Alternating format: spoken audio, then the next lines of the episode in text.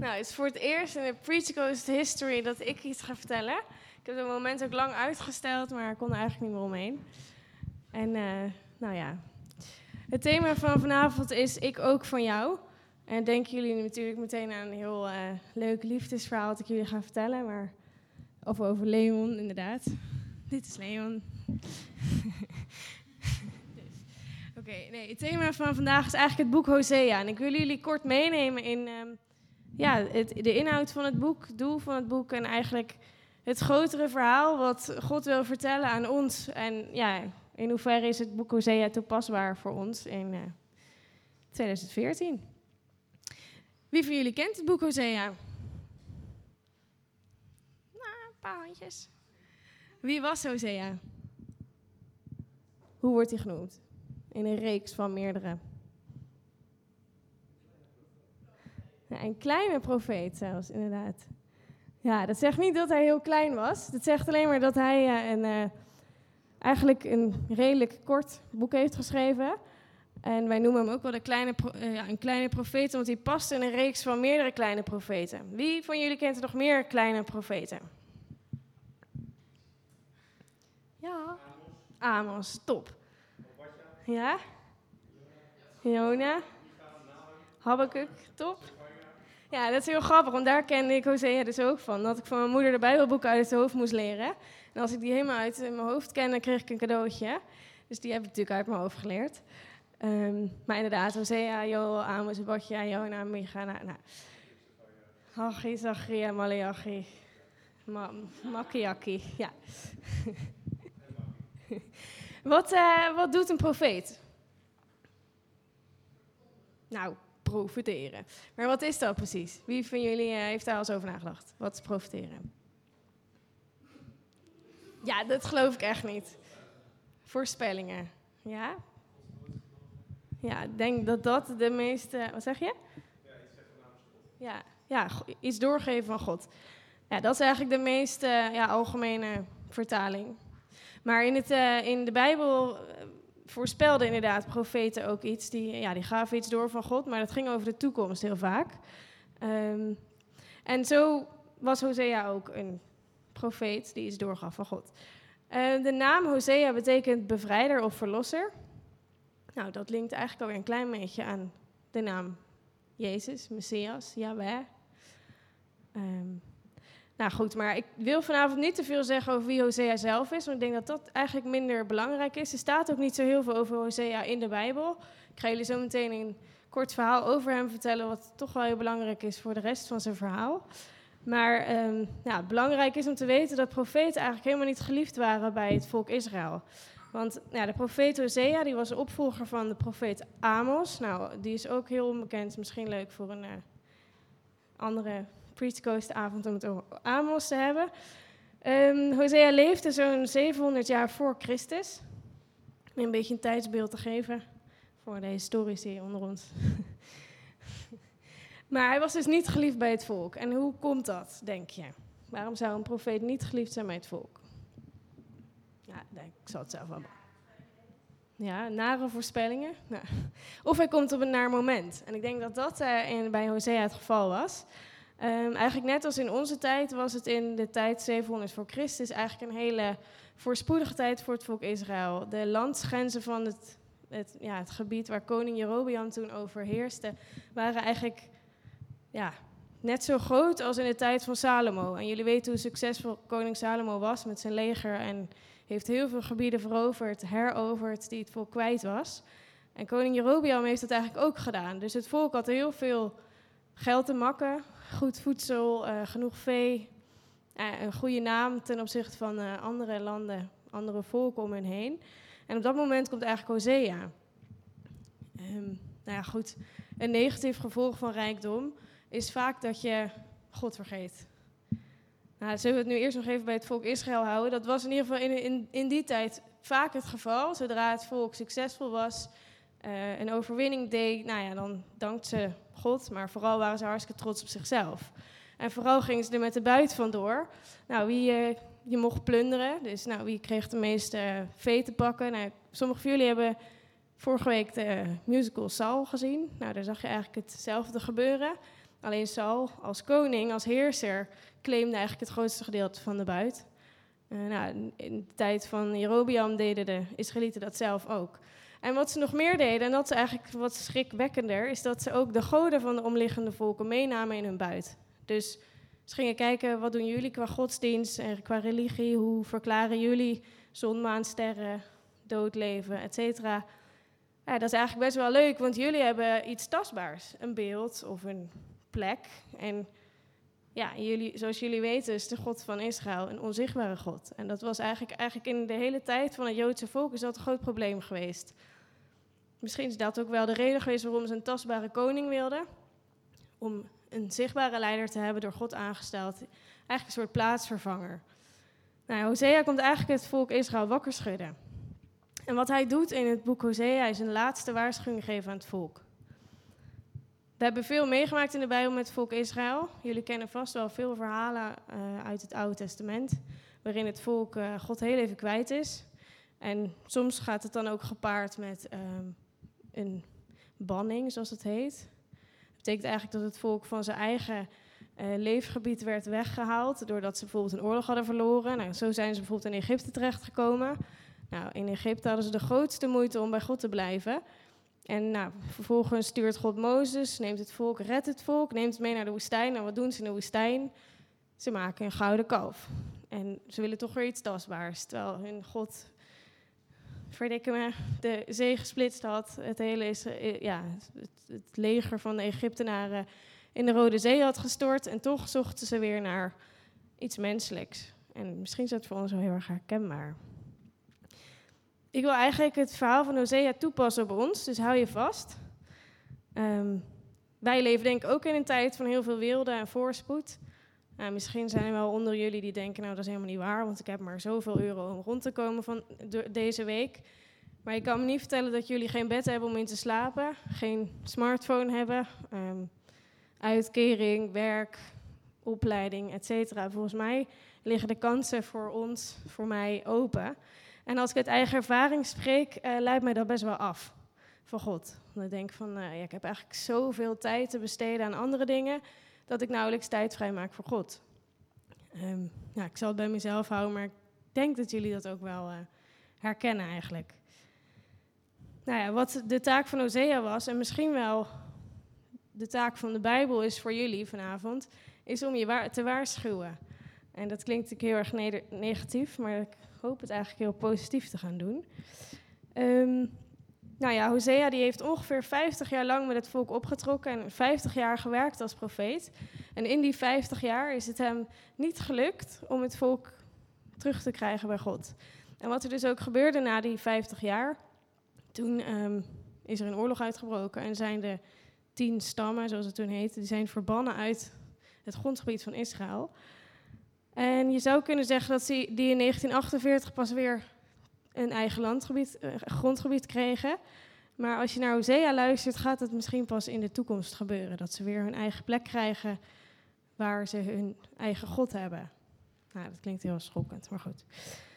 Ik um, denk dat het tijd is om met jullie een stukje te gaan lezen uit het boek. Maar voordat ik dat doe, wil ik jullie graag eh, kort het boek uitleggen. Nou, het heeft 14 hoofdstukken, valt allemaal reuze mee. Hoofdstukken zijn vrij kort. Maar toch zal ik niet het hele boek met jullie door gaan nemen. Dat wordt een beetje. Ja. Je kan het eigenlijk in drie delen indelen. De eerste drie hoofdstukken, daar stelt Hosea het gedrag van het volk aan de kaak. Hij vertelt gewoon van, kijk nou wat jullie doen. Um, ja, jullie vergeten God, hoe kan je dat nou, hoe kan je dat nou doen? Uh, geeft heel veel voorbeelden. En, uh, maar in de eerste drie hoofdstukken vertelt hij eigenlijk ook van... ja, maar God heeft een supermooi plan met jullie. Uh, hoe kan je nou daar niet um, naar verlangen? Hoe kan je nou niet dicht bij die God willen blijven? Hoofdstuk 4 tot en met 13, dat zijn de hoofdstukken met heel veel vermaningen. Het is echt een stevige preek die Hosea geeft. Wel hele duidelijke taal. Nou, dat hebben wij denk ik ook wel eens nodig. Maar het laatste hoofdstuk, dat is wel heel mooi. Daarin roept hij echt het volk op om zich te bekeren en weer terug te gaan naar God. En uh, wat hij doet is een hele mooie voorspelling, namelijk een hereniging met God. En die gaat dus over de toekomst. En voor ons is dat eigenlijk ook nog toekomst. Nou, ik zal jullie niet vermoeien met een, uh, een uh, uiteenzetting over die verschillende theologen hebben bedacht over nou, het vrederijk of het duizendjarige rijk, de wederkomst van Jezus, wanneer en hoe. En dat komt later. maar er is voorspeld door Hosea dat het volk van God weer herenigd gaat worden met God. Ik ga jullie een stuk vertellen over de love story die eigenlijk Hosea vertelt, maar die hij eerst zelf moet ondergaan. Dat is best wel een lang Bijbelgedeelte, tenminste het bevat negen versen. En die hebben we dan ook uh, op de beamer. Ik zal het even voorlezen voor jullie. Ik heb een andere vertaling, maar dat maakt niet zoveel uit. De Heer zei tegen Hosea: Trouw een overspelige vrouw. Verwek kinderen bij haar, want het land maakt zich schuldig aan overspel door zich van de Heer af te keren. Daarop trouwde Hosea met Gomer, de dochter van Diblaim.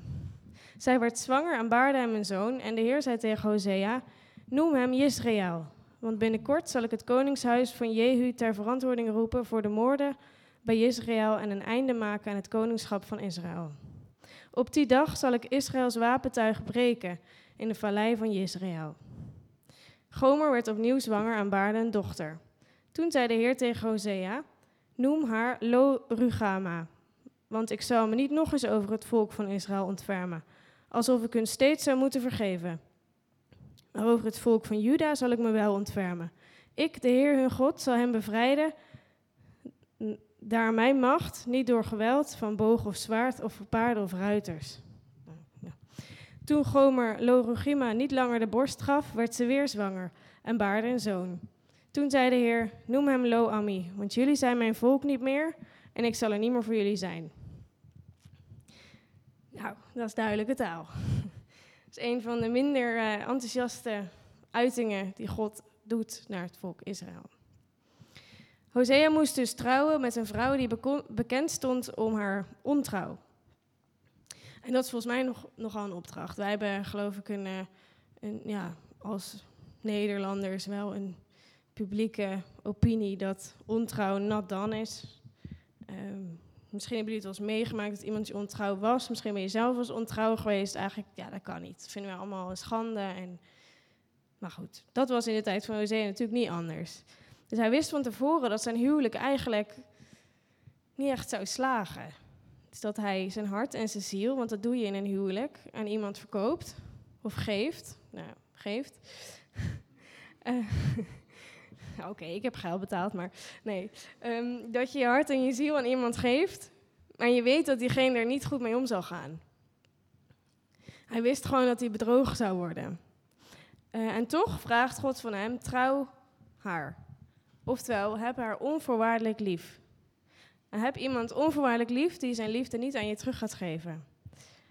En nou ja, er wordt in de rest van het boek ook gesproken over kinderen die worden geboren uit ontucht. Dus het is ook gebeurd dat in de relatie van Hosea zijn vrouw uh, kinderen verwekte bij andere mannen. En er wordt over bastaardzonen gesproken en minnaars. En toch vraagt God van Hosea, blijf bij je vrouw. En waarom geeft God Hosea zo'n moeilijke opdracht voordat hij het volk toe mag gaan spreken? Nou, dat doet hij eigenlijk om een stukje van het verdriet wat God voelt naar het volk Israël, ja, werkelijkheid te laten worden voor zijn profeet. God had een liefdesrelatie met het volk Israël. En God wist eigenlijk al lang dat dat, die liefdesrelatie die hij met zijn volk had, uh, niet beantwoord zou worden. Hij wist dat het volk Israël ontrouw zou zijn, want het bestaat uit mensen. En hij wist dat hij eigenlijk ja, nou ja, de mens is gevallen in zonde en daarmee per definitie ontrouw. En denk je natuurlijk wat erg van het volk Israël. Wat, uh, wat stom van ze dat ze ontrouw zijn geweest. Maar ja, eigenlijk zijn wij ook ontrouw aan God en kunnen wij ook nooit trouw beloven, omdat wij nog zondig zijn. Dat is natuurlijk een heel vies woord, maar volgens mij weten we eigenlijk allemaal een klein beetje wat het betekent. Maar Gods hart voelde naar het volk Israël echt pijn en verdriet daarover. Hij had wel een reddingsplan klaar liggen. Nou, dat, dat kunnen we later in de Bijbel lezen, in het Nieuwe Testament. Dat hij zijn zoon geeft en eigenlijk de weg weer terug vrijmaakt. Maar eigenlijk moest zijn profeet aan de lijve ervaren en ondervinden wat het was om ontrouw dichtbij mee te maken. En daardoor kon Hosea eigenlijk de boodschap van God heel dringend overbrengen. Maar ook met een hele grote liefde, want hij begreep wat de liefde van God voor zijn volk inhield en dat hij onvoorwaardelijk was. En God vergelijkt zijn liefde met het volk, nou ja, met de liefde tussen een man en een vrouw. En liefde tussen een man en een vrouw, die is, of, die is gewoon heel bijzonder. Maar als er dan ook nog een huwelijk op volgt, dan is die liefdesrelatie echt heel intiem. Uh, eigenlijk de ultieme verbondenheid tussen man en vrouw vind je in een huwelijk. Want je belooft trouw tot aan de dood. En de huwelijk is ook de allerveiligste plek voor passie, voor vriendschap, voor het, ja, het overgeven van je hart, je ziel, eerlijk zijn. Uh, nou ja, eigenlijk is het boek Hosea samen het boek Hooglied het meest gepassioneerde boek van de Bijbel. Er wordt het meest gepassioneerd gesproken, worden de meeste vergelijkingen in gebruikt over liefde en trouw en hoe diep die dan kan gaan. Maar ja, helaas wordt de liefde van het volk, of de liefde van God naar het volk, niet beantwoord. En eigenlijk zoals, um, nou ja, jullie weten, als je in God gelooft, dan word je ook wel als christen genoemd. In ieder geval, je hoort bij de kinderen van God en eigenlijk hoor je daarbij ook bij het volk van God. En mag je dus scharen onder de groep mensen die God ook wel zijn bruid noemt. En daar hebben we een paar Bijbelteksten over. Misschien denk je, heel wat gek, ik ben toch helemaal geen vrouw? Nee, maar je kan toch een bruid zijn. En dat ben je als gezamenlijke groep christenen, ben jij de bruid van Christus. En dat is niet, niet omdat God verliefd is of omdat, um, ja, het is niet een speels grapje. Het gaat echt over die ultieme relatie. En een huwelijk is het denk ik de meest herkenbaar, uh, herkenbare intieme relatie die twee mensen kunnen hebben. Ik heb een paar teksten, die staan niet op de beamer. Um, in het Oude Testament zegt bijvoorbeeld Jezaja, echt een paar korte teksten hoor. Want je maker neemt je tot vrouw, zegt hij. Nou, daar gaat mijn preek. Of uh, zoals de bruidegom zich verheugt over zijn bruid, zo zal God zich over jou verheugen. Dat staat in Jezaja ook. En Hosea staat, dit zegt de Heer, als die dag aanbreekt, zul je mij noemen mijn man en niet meer mijn Heer, mijn bezitter. En dan staat er verderop in Hosea, ik zal u tot mijn bruid verwerven voor eeuwig. Ik zal u tot mijn bruid verwerven door gerechtigheid en recht door goedertierenheid en ontferming. Dat is weer een oude vertaling. Verder staat er in het Nieuwe Testament: Ik ijver voor u met de ijver van God. Want ik heb u aan één man verloofd, met Christus, om u als zuivere maagd naar hem te voeren. En in Efeze staat: Mannen, heb uw vrouwen lief, evenals Christus zijn gemeente heeft lief gehad en zich voor haar heeft overgegeven om haar te heiligen. En zo zelf de gemeente voor zich te plaatsen, stralend, zonder vlek of rimpel of iets dergelijks zodat zij heilig is en onbesmet. God verklaart je dus eigenlijk de liefde. Als deel van God ben jij deel van die bruid. Maar ook die bruid, laten we eerlijk zijn, is niet altijd trouw. En je weet ook hoe dat komt. Je vertrouwt op jezelf, je vertrouwt op je geld, je vertrouwt op je baan, je vertrouwt op je opleiding. Um, nou ja, je maakt tijd voor tv kijken, afspreken met vrienden, Ehm, chatten, WhatsApp, Facebook. Je hebt zo verschrikkelijk veel dingen om je tijd aan te geven. Ehm, muziek, nou ja, het weer, het nieuws. Je bent boos op alles en iedereen, maar al die tijd die jij besteedt aan alles en iedereen om je heen, of de energie van je vreed, ga je daarmee naar God? Is, neemt het de plaats in van God of doe je dat samen met God? Ik kan me voorstellen, ik zal mijn relatie als voorbeeld nemen. Nou, ik werk bijvoorbeeld best wel veel. Ik ben hier heel veel. Dan spreek ik ook nog heel graag af met mijn vriendinnetjes. En soms moeten Leon en ik echt met de agenda naast elkaar gaan zitten. Van, zou er nog een gaatje zijn deze week om elkaar te spreken? Nou, en ik denk dat dat best wel herkenbaar is voor jouw relatie met God. Er zijn zoveel dingen om je heen die je af kunnen leiden. Of nou, waar je in bezit van genomen wordt, waar je boos over bent, verdrietig, super blij en geïnteresseerd, maar die eigenlijk afstand houden tussen jou en je grote lover, om het zo maar te zeggen. Nee, het mooie van dit verhaal is dat God niet van jou wil scheiden. Er komt sowieso geen echtscheiding. Dat is wel een hele belangrijke belofte. En in het boek Hosea lijkt het eigenlijk net alsof God zijn geliefde volk uh, op het schavot plaatst. Hij spant een soort rechtszaak aan. Van ik ga jou nu vertellen en om de oren slaan met hoe ik me eigenlijk voel. En nou, dat doen wij denk ik als mensen ook wel eens. In een vriendschap sla je elkaar soms heel even om de oren van... Uh, ik heb je al vier weken niet gezien. En je hebt voor alles en iedereen tijd, behalve voor mij. Nou, dat doe je ook wel eens in een huwelijk. En dat doet God dus ook met zijn volk. Jullie, je kijkt naar alles en iedereen om je heen. Je vindt uh, de goden van uh, de buurlanden veel belangrijker. Je vindt veel belangrijker dat je rijk bent, dat je veel kinderen hebt, dat je veel geld hebt. Maar waar ben ik in dit verhaal, zeg maar? En God had, ja, had eigenlijk ook wel recht om dat te zeggen. God heeft het volk Israël op zo verschrikkelijk veel bijzondere manieren gered uit de handen van, nou ja, andere volken, maar ook uh, wonderen verricht. Um, heel veel profeten gestuurd naar het volk die hun ja, konden vertellen over wat God voor plannen met ze had. En toch gingen ze elke keer weer voor zichzelf. Maar God belooft het volk een hereniging. Hij, de profeet voorspelt eigenlijk dat er in de toekomst een schuldbekentenis plaats gaat vinden. Uh, tussen Israël en God. En dat, nou ja, God eigenlijk al nu gezegd heeft in het boek Hosea: van ik laat je toch nooit gaan. Bij mij mag je altijd terugkomen. Mijn liefde voor jou is onvoorwaardelijk. En hij is nog zelfs verder gegaan door te laten zien dat zijn liefde onvoorwaardelijk is. Door zijn eigen zoon te sturen. En die werd notabene door het volk Israël eh, aan het kruis gespijkerd. En toch, zegt God, doordat ik dat gedaan heb, mag je bij me komen. En eigenlijk is die belofte ook voor ons. Hij zegt, ja, je mag altijd bij me terugkomen. Je sta, en sterker nog, ik, ik wil je als bruid, hè, als gemeenschappelijke groep christenen, bij me hebben. En nou, ik denk dat dat wel een, uh, een mooie mooi vooruitzicht voor ons is en ook een hele mooie belofte is. Ik zou zeggen, werk aan je relatie.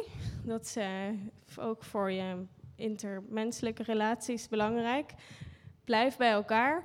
Maar sterker nog, um, of belangrijker nog, focus je ook op God. Zijn onvoorwaardelijke liefde voor jou is zo intens groot dat je er misschien een beetje bang van wordt. Maar hè, het maakt niet uit. Je mag altijd bij hem terugkomen. En hij wil je dus ook elke keer weer erbij terughalen. En hoe doet hij dat? Nou, hij heeft je een heel mooi boek gegeven, de Bijbel, waar ook dit verhaal bijvoorbeeld in staat. Uh, hij heeft mensen om je heen gegeven met wie je geloof kan delen, um, aan wie je vragen kan stellen. Uh, hij heeft je kerken gegeven, uh, plekken waar je elkaar kan ontmoeten. En hij heeft vooral ook, en daar hebben we het op Alfa over gehad, een aansluiting in je hart gegeven die je kan aankoppelen zoals een iPhone. Dat was de vergelijking toen. Ik hoop dat jullie um, na vanavond echt besluiten om een, ja, meer tijd en energie in je relatie met God te steken. En uh, ja, voor het volk Israël gaat het goed aflopen. Dat, dat belooft God. En dat belooft hij ook aan jullie. Misschien denk je wel van, nou, ik ben christen geworden. Ik heb me laten dopen of niet. Ik uh, ben naar de kerk gegaan. met een beetje afgezwakt. Want ik had eigenlijk heel veel energie en tijd voor andere dingen. En ja, God, uh, die zal me wel niet meer terug willen. Misschien moeten we even een time-out nemen. Zoals je dat misschien ook wel in een gewone relatie doet. Maar God wil dat helemaal niet. God is van jou net zoveel blijven houden als toen jij voor het eerst eh, liefde voor God voelde. En het is heel fijn om te weten dat wij nooit dat niveau zullen bereiken en dat het ook niet hoeft. Maar dat Gods liefde voor ons uh, onvoorwaardelijk is. En wil ik eigenlijk afsluiten met een uh, belofte die God doet. Zoals je ook een belofte kan doen aan um, een man of een vrouw in je leven. Vaak uh, in een huwelijk woon je ook samen in een huis. Nou, God belooft ook dat hij voor ons een huis heeft bereid. En ook daar heb ik een andere vertaling, maar dat maakt niet uit.